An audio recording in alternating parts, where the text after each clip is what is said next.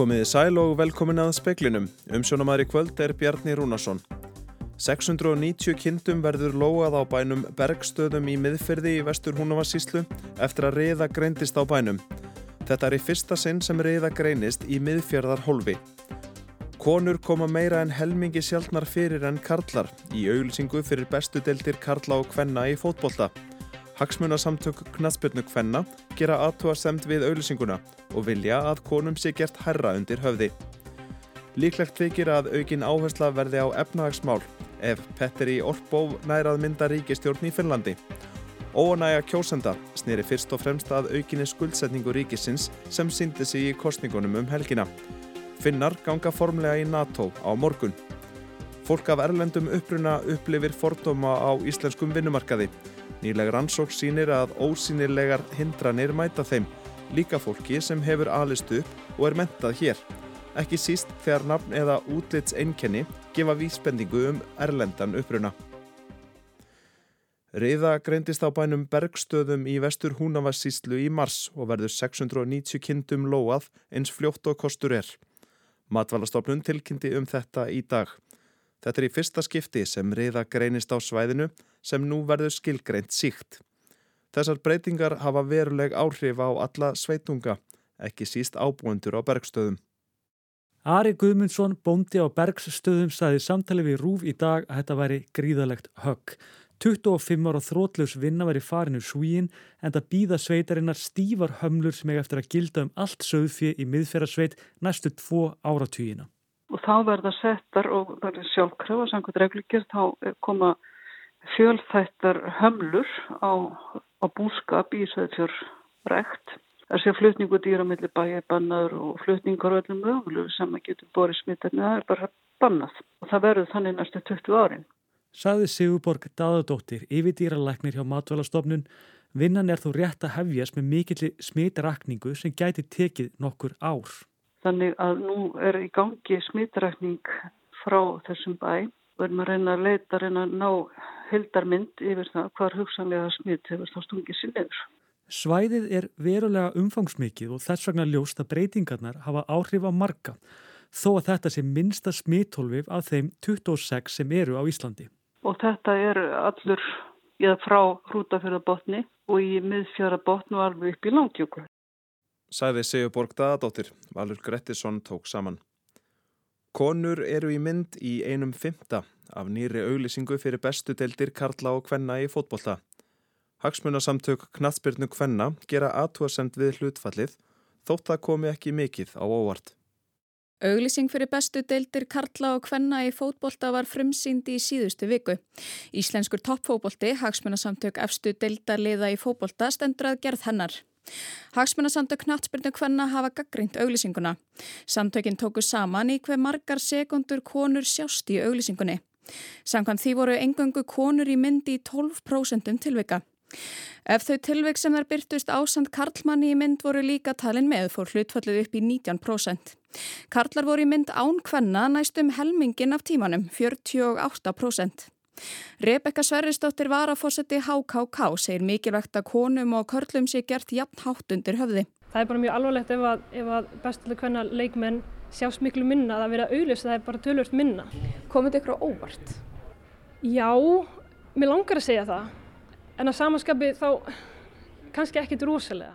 Forsvarsmenn Íslensks toppfóbolta vildu ekki veita viðtal vegna málsins. Stjórnfélagsin sendi frá sér yfirlýsingu í dag þar sem segir að það taki gaggrínna til sín. Markmiði með auglýsingunni hafi verið að gera báðum kynjum jafnhátt undir höfði líkt og í öðru markaðsefni. ITF ætla að bræðast við, taka ábendinguna til greina og vanda sig í komandi markaðsefni fyrir bestu deildir Karla og Kvenna. Elsa Maria Guðlöks Strífudóttir tók saman og talaði við Rebekku Sveristóttur. Skipstjórin á Grímsnesi GK555 segist ekki hafa vitað af 15 ára stúlku sem fannst um borði í skipinu í ger, nýja nokkur annar í áhöfninni. Sigvaldi Holmgrímsson, skipstjóri, segir það ekki geta verið fjær sannleikanum að áhöfnin hafi vitað um stúlkuna um borði í skipinu. Þeir hefðu aldrei farið með hana frá landi. Sigvaldi tengist mannin um fjölskylduböndum. Maðurinn er 24 ára en stúlkan einungis 15 ára. Hennar hafi verið leitað í vestmanægjum. Maðurinn var dæmdur í 12 mánuða fangelsi fyrir brot gegn tveimur fyrirverandi kærustum sínum. Sigvaldi vissi af brotaferlinum en hvaðst hafa gefið manninum tækifæri á skipinu. Hann hafi verið hættur að drekka áfengi, verið í sálfræði meðferð og virst vinna í sínum málum. Eftir þetta atvik hefur Sigvaldi sagt honum upp störfum. Sigvaldi segir sér þykja óvægið að fólk láti í veðri vaka að áhöfnin hafi öll vitað af stúlkunni um borð og segir deginum ljósara að maður á þessum aldrei eigi ekki að koma nálegt svo ungri stúlku. Hann segir að sá sem deilt hafi klefa með manninum hafi lagst til kvílu um nótina en maðurinn komið með stúlkunni um borð eftir það. Skipið hafi síðan haldið úr höfn eld snemma um morgunin. Þegar klefafélagi mannsins vaknaði og yfirgaf klefan hafa hann ekki orði var við stúlkuna. Ábendingar hafi borist um að grunnsemtir væri um að stúlkan væri um borð með manninum og lögregla hafi haft samband. Hann hafi strax spurt mannin hvort það stæðist og hann hafi viður kent að hafa komið með stúlkuna um borð. Sigvaldi hafi þá látið vita, fengið þau bæði upp í brúna og fengið stúlkuna til að ringja í foreldra sína. Hann hafi því næst klárað veidarnar og haldið í land. Gunnhildur Kjærólf Birgisdóttir saði frá. Borgarstjóri New York borgar hefur tilkynnt að þeir sem ætli sér að vera með ólæti í borginni þegar Donald Trump fyrirverandi bandarækja fórseti kemur fyrir dómi í borginni á morgun verði handteknir og dregnir til ábyrðar. Engu breyti hverjir eigi í hlut. Á bladamannafundi í dag hvati borgarstjórin Erik Adams þá sem íhugi að koma til borgarinnar gaggjert til að egna til ófriðar til að halda frekar stillingu. Trump er gefið að sög að hafa greitt fyrir fyrir greitt til fyrir um klámyndaleikonu fyrir að segja ekki frá sambandi þeirra, skömmu fyrir fórsitakostningar 2016. Ekki er ólöglegt að greiða fyrir þagmælsku, heldur er ákeran vegna þess hvernig greiðslan var skráði í bókaldinu. Trump er saggar um að hafa skráð hana sem greiðslu fyrir lögfræði þjónustu en uppæðin var það há að gera hefði átt grein fyrir henni í bókaldi frambóðsins. Málið þykir sögulegt því að fórseti eða fyrir um fórseti bandareikana hefur ekki áður verið ákjærður fyrir glæp. Trump lýsir yfir saklesi sínu og segir að hann sæti pólitískum ofsóknum. Fiskistofa mátti ekki taka myndband með dróna af skipstjóra Báts þegar hann var við veiðar. Personuvenn telur ekkert í lögum veita fiskistofu heimil til að sinna eftirliti sínu með leint. Skipstjóri smábóts kvartaði til personavendar í mars fyrir tveimur árum vegna mikill að Anna tókst ekki að ljúka málunu fyrir nú. Skipstjórin var að veiðum skamt frá landi þegar að eftirlitsmenn á vegum fiskistofu sendu dróna á loft til að fylgjast með veiðumanns. Eftir að hafa skoðað myndefnið var það mat fiskistofu að grunur væri um að skipstjórin hefði brotið gegn lögum um umgengni um nýtjastofna sjáar. Skipstjórin taldi fiskistofu ekki hafa neina heimil til að vinna persónu upplýsingar með þessum hætti. Eftirlitið væri rafræn vöktun og fiskistofa hefði ekki tilkynnt að tilstæði að við hafa slíkt eftirlit. Fiskistofa benti á að eðli málsins sangkvæmt væri eftirlitið að hluta til framkvæmt án þess að tilkynnt væri um það fyrirfram. Personavend telur að það get ekki hafa verið vilji lögjafans að veita eftirlitsmönnum fiskistofu samskonar eða rýmri heimildir til eftirlits og lauruglumenn. Vöktunin í umrætsinn hafi verið brot á personavendurlögum og þarf stopninin að uppfæra gera verkla sitt og senda persónavend staðfestingu á því eigi síðar en 28. apríl. Ögmundur Haugur Knútsson, fiskistofustjóri, segir úrskurðin koma óvart. Farið verði yfir hann með það í huga hvaða áhrif hann geti haft. Ögmundur segir fiskistofu hafa fengið ríkari heimildir til eftirlits af þessu tægi fyrra sumar og því hafi úrskurðin sennilega lítilega engin áhrif. Freyr Gíja Gunnarsson tók saman.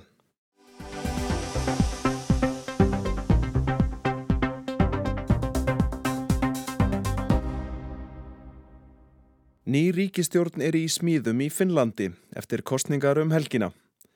Líklegt er að nýr fórsetesráð þeirra taki við stjórnartaumunum af Sönnu Marín, þrátt fyrir að flokkur hennar hafi bætt við sig fylgi í kostningunum.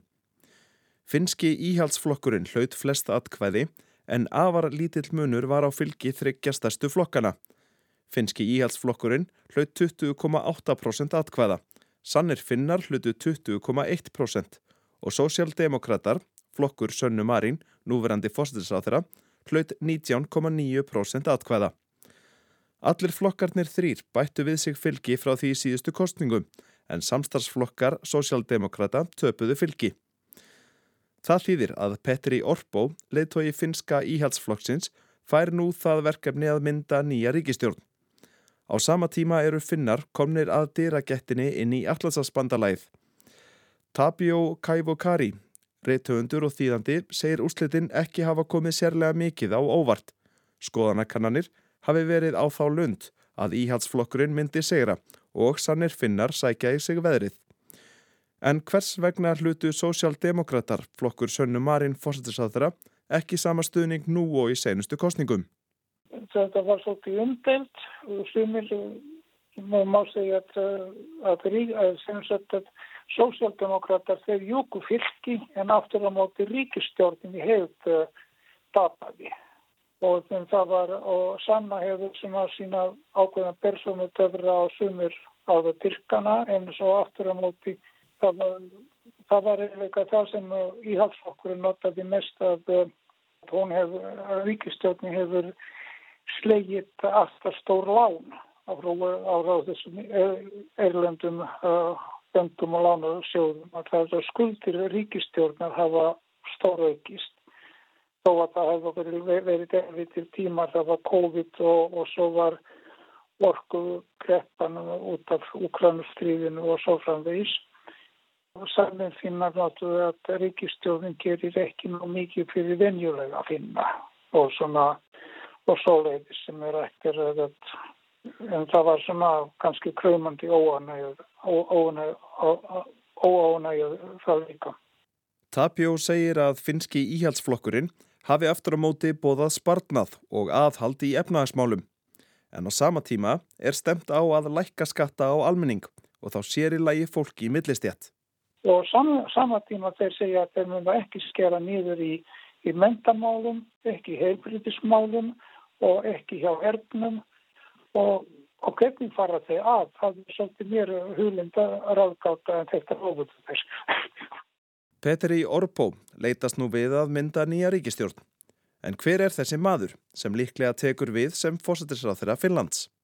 Hann er uh, eh, Ríðvaka Fintökur maður frá uh, sveitinni fyrir vestan á smá þorpi sem heitir Gaulíja sem er svona sögufræður staður að það var uh, uh, þóðartýrdringur finna sem kom hinga til að bera krist, bóða kristning, hann var drefing þar en, en Petri, Orbo hann er stjórnmálafræðingur að ment og hefur þau reyndur politikus og hefur verið ráðið hérna margóft og svona hefur miklu áherslu einmitt á, á efnahagsmálum. Þannig að þetta er svona hósamur íhalsmaður myndi ég segja. Og hvert er hann að líta í stjórnarmyndun? Hvaða möguleika hefur hann á því sviði? Hann hefur eh, sem sagt eh, tvo, tvo aðalkosti er að annarkort að mynda stjórn með sönnum finnum en þarna eru er svona spurningar og samið finnar vilja takmarka komu innflýtjanda til landsins og það vil íhaldsflokkurinn ekki að, það þarf að flytja einu sem er ferska starfskraft.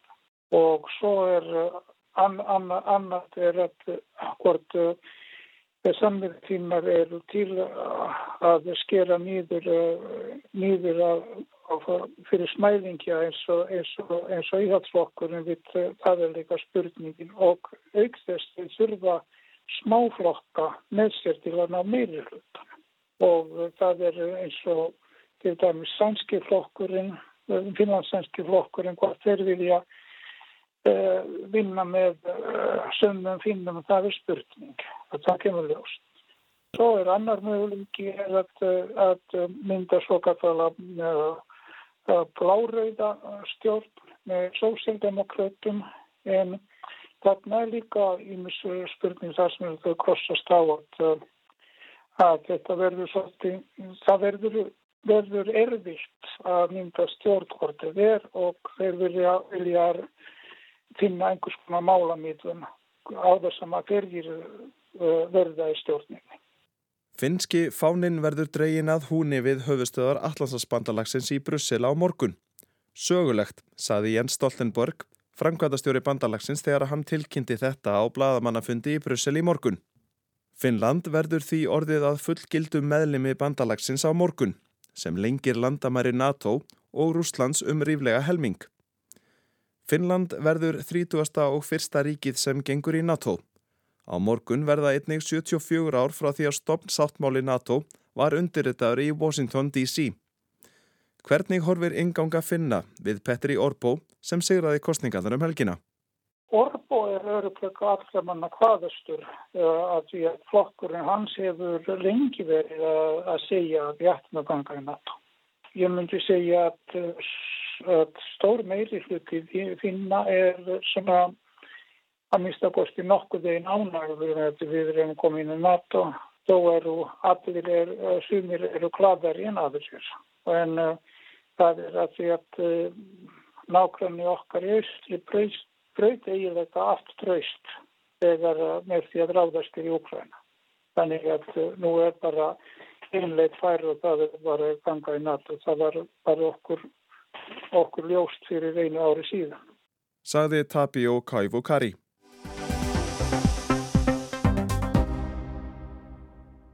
Um 15 fólks á íslenskum vinnumarkaði er innflytjendur og það hlutfall hefur fjórfaldast á síðustu 20 árum.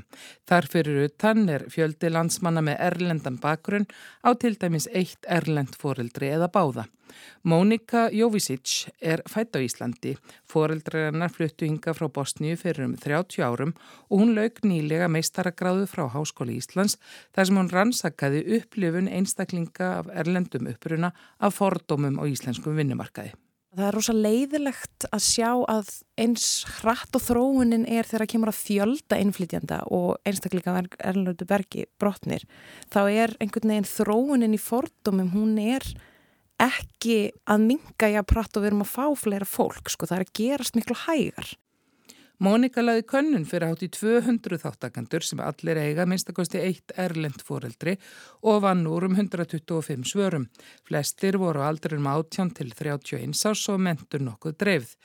Þekkt sé til dæmis í Svíþjóð að þegar ferilskrár eru nánast eins nema nafn umsakjanda eða mynd gefur til kynna erlendan uppuruna fá þeir sem eru svíjalegri, betri viðbröð og fleiri svör. Það sem að ég var kannski meira að skoða er svona hvernig þessir einstaklingar sem hafa þennan erlendu uppröðuna, hvernig þeir upplifa þessa forduma.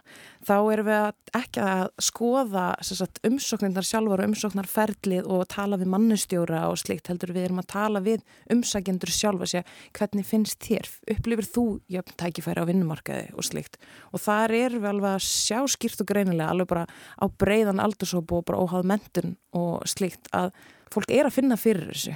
Hvernig byrtist það? Hvað er það sem að mætir fólki?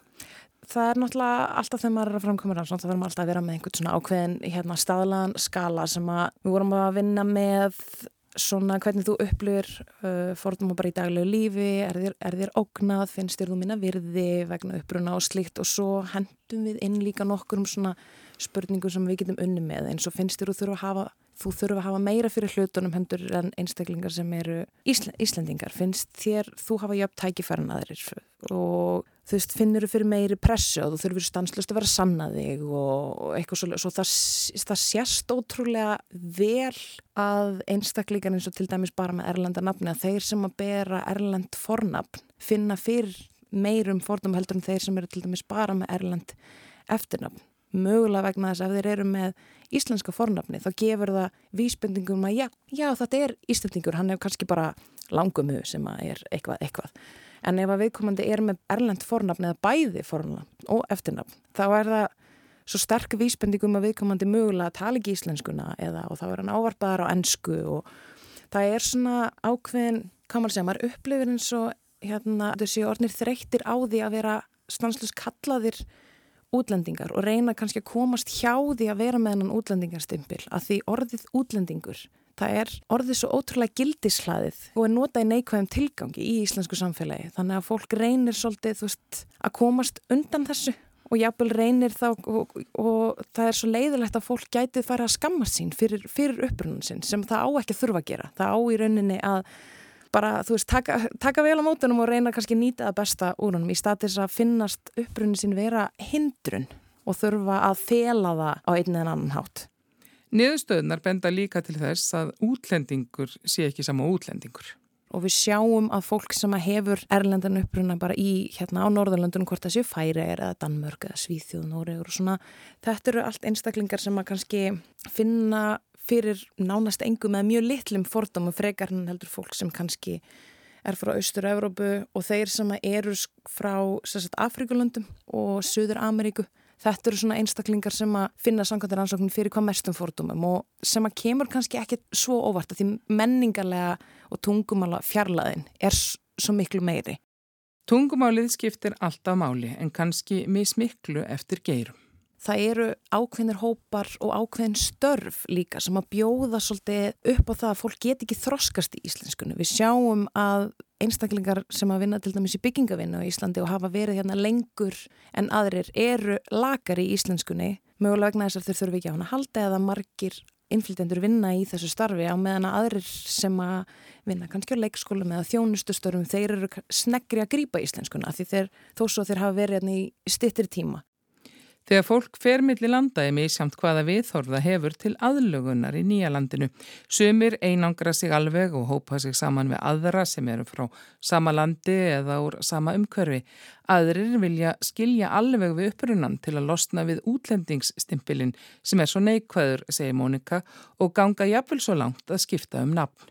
Upplifun hennar sjálfrar var kannski kveikjana rannsókninni. Maður upplifur sér þrátt fyrir fyrir mentun og þrátt fyrir reynslu og dugnað og slikt að þá er þetta, þú veist, maður upplifir að umsóknir manns fari aftast í bunkan og maður veit ekki af hverju, þú veist, því hvað er það, er það reynsluleysi, er það, þú veist, mentun eða eitthvað? Og svo bara þegar það líður á tíman, maður sér, ok, maður er búin að vera að vinna og maður er búin að vinna hér og þar og maður er, þú veist, búin að leggja á sig og svo er maður búin með háskólanám og svo fer maður í annað háskólanám og, og, sit, og þá setur maður eftir og maður hugsa bara, já það hlýtur bara að vera að það sé nafnið. Og svo fer maður að ræða við aðra einstaklinga í kringum sig og ég upplifa að þetta sé ekki bara mín upplifun.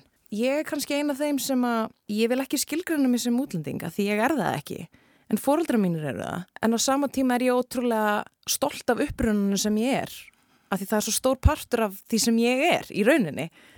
Og þú veist ég tala tungumála og ég fer út á mína fjölskyldu og þetta er bara svo stór partur bara matarmenningu og tónlist og bara öllu heima hjá mér ég vil ekki þurfa að skammast mín fyrir uppruna minn af því það er svo stór bara partur alveg eins og fólk sem er frá Bólungavík á ekki þurfa að skammast sína þessi frá Bólungavík. Virðingaleysi gagvart útlendingum byrtist líka í því að meiri líkur sjá að brotið sjá réttið þeirra en innfætra. Það sjáast til dæmis á fjölda þeirra sem leita til eblingar og þó leita ekki endilega allir réttar síns. Hlutinir er að breytast í rétt átt segirun en það mætti gerast hraðar. Já, ég vona að þegar stelpunum mínar fara að sækja vinnu þegar það er orðna fullorðnar að er munum mæta miklu minni hindrunum heldur en að ég geri að því þær eru einmitt báðar með hérna, erland eftirnafn að því maður er minnir einmitt erlandur líka sko. Ég vona að þetta sé að fara að opna kannski dyrtnar í að fleiri sé að fara að taka undir og að við séum að fara að tala meira um þetta og gera það að verka um að það verði auðveldra fyrir næstu kynslu alveg eins og kynsluðin á undan okkur er búin að gera það auðveldra fyrir okkur sem er komum á eftir. Staltar eru við þegar þú valdur þeim nafn? Jú, ég gerði það. Það heita svo svolítið Laura og Tara. Þannig að ég passa að þetta væri svona alþjóðleitt nafn sem að bæði fjölskyldun okkur hérna heima úti gæti búið fram. Saði Mónika Jóvisits. Anna Kristín Jónsdóttir rætti við hana.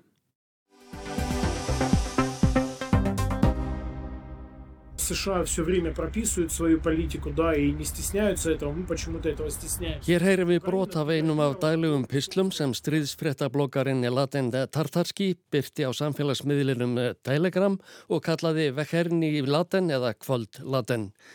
Þar fjallaðan um gang innrásarinnar í Úkrænu sem stuðningslið hennar, rúsnest, já, sem Erlend kallar að það jafna sértæka hernaðar aðgerð. Rödd Tatarskis er þögnuð. Hann lést í gær í sprengjutilræði á kaffihúsi í Pétursborg þar sem hann flutti fyrir lestur um innrásina fyrir hópu þjóðurni sinna. Um það byrð 30 særðust í sprengingunni þar á nokkrir alvarlega. Hann hétt réttur nafni Maxim Fomin og var einn af þekktustu stríðsfréttablokkurinn í Rúslandi eða Milblokkers eins og þeir hafa verið nefndir. Allir eiga er það sameilegt að stiðja hernaðar aðgerðir kremlverja í Úkrænu. Þeir eiga góðan að gangað heimildarmönnum eh, um allan gang mála á výgvellinum og eru ófeimnir við að segja frá því sem miður fer hjá rúsneska hernum. Þessir bloggarar hafa náð miklum vinsaldum á samfélagsmiðlum vegna þess hver lítið hefðbundni rúsneskir fjölmiðlar byrta af nákvæmum fréttum frá vikstöðvonum. Latin Tartaski þótti einn af þeim bestu og áhrifamestu að sögna Anastasíu Strognei, fréttaritara Financial Times í Rúslandi. He was extremely influential. He had almost half a million subscribers to his Telegram channel. Hann var mjög vinsæll og áhrifamikill með alltaf 500.000 áskrifendur á Telegram, segir Anastasia Strognei. Til margsum það segir hún að honum hafi verið bóðið að vera viðstattur þegar Putin fórseti lístið því yfir í fyrra að nokkur héruð Úkrænu hefði verið innlimuð inn í Rúsland. Tatarski hafi verið dæmigerður fyrir alla vinsælustu stríðsfréttablokkarana. Þeir séu eindregnir stuðningsmenn innrósarinnar en sé leift að komast upp með að gaggrína framgöngu hersins. All of them are on the one hand 100% pro-Kremlin, on the other hand they are allowed to criticize the military. Þetta er sérkennilegt í ljósi þess að ef almennir borgarar í Rúslandi lefa sér að gaggrína stríðsreksturinn í Ukrænu og framistöðu hersins eiga þeir á hættu að verða dæmdir í alltaf 15 ára fangelsi. Abbas Galjarmov, ræðurítari Pútins á árunum 2008 til 12, segir í viðtali við Deutsche Welle að það eigi sínar skýringar. Stríðsfrettablokararnir gaggrína herin á þjóðurni sinnuðum forsendum, segir hann. Það þýðir að þeir eru á engan hátt að ráðast á forsetan sjálfan. Þeir gaggrína ekki leitu og hefni hans eða þá ákförðun að ráðast inn í Ukrænu. Það er þakkað niður í fólki sem efast um fóristu hans og stríðið sjálft. Litið er á þá gaggrín sem óvinni. Vítali Sjarsenko sem stýrir frettavöktun hjá BBC segir að margir þessara stríðsfretta bloggara hafi sjálfur tekið þátt í hernaðar aðgerðum í Ukrænu þeirra á meðal Latin Tatarski. Uh, when it comes to Vladimir Tatarski, he's, he's a very colourful figure. He was in jail for uh, at least three years because he had robbed a bank. Laten Tatarki er bísna litrik persóna. Hann satt í fangelsi að minnst okkur til þrjú ár fyrir að hafa reynt banka, segir Sjarsenko. Þegar stríðið í Donbass í Ukrænu hófst árið 2014 slapp hann út úr fangelsinu, hjælt til Ukrænu og gekk til liðs við vopnaðar sveitir sem barðust gegn Ukrænu her í austur hluta landsins. Atburðarásinn í Pétursborg í gær þegar Tatarski lést í sprengju árás er bísna reyfarakent. Samkvæmt frásögnum fjölmiðla kom ung kona á kaffihúsið í miðborg Pétursborgar þar sem hann hjælt fyrirlestur. Hún hafði meðferðis pappakassa með lítilli stittu, brjóstmynd af blokkaranum. Öryggisverðir voru efinsum að hleypenni inn með stittuna en leifðu það að lokum og Tatarski fjekk kassan. Skömmu síðar sprakk sprengja í stittunni. Talið er að í henni hafi verið um 200 grömm af TNT sprengjefni. Stjórnvaldi Moskvu segja að ukrainskir útsendarar hafi verið að verki. Þeir hafi fengið aðstóð frá stuðningsmönnum stjórnaranstæðingsins Alexeis Navalnís. Stjórnvaldi Kænugarði segjast engan þátt hafa átt í tilræðinu. Hálf þrítug kona, Darja Trepova, búsett í Pétursborg var handtekinn í dag, sökuðum að hafa afhengt Tatarski í stittuna. Innan ríkisráðu netið byrti stutt myndskeið þar sem Trepova var yfirherð. Что ты сделала? Я принесла туда эту статуэтку, которая взорвалась. А кто тебе передал эту статуэтку? Можно я попозже расскажу? Hvað gerðir þú, er hún spurð. Ég kom með stittuna sem sprakk, svarar hún. Hver letið hafa hana? Ég get sagt þér það setna, svarar hún. Ásker Tómasson tók saman. Veðrið, suðaustan 10-23 metrar á sekundu, kvassast á sunnanverðu landinu. Rigning um sunnan og vestanvert landið og talsverð suðaustan til.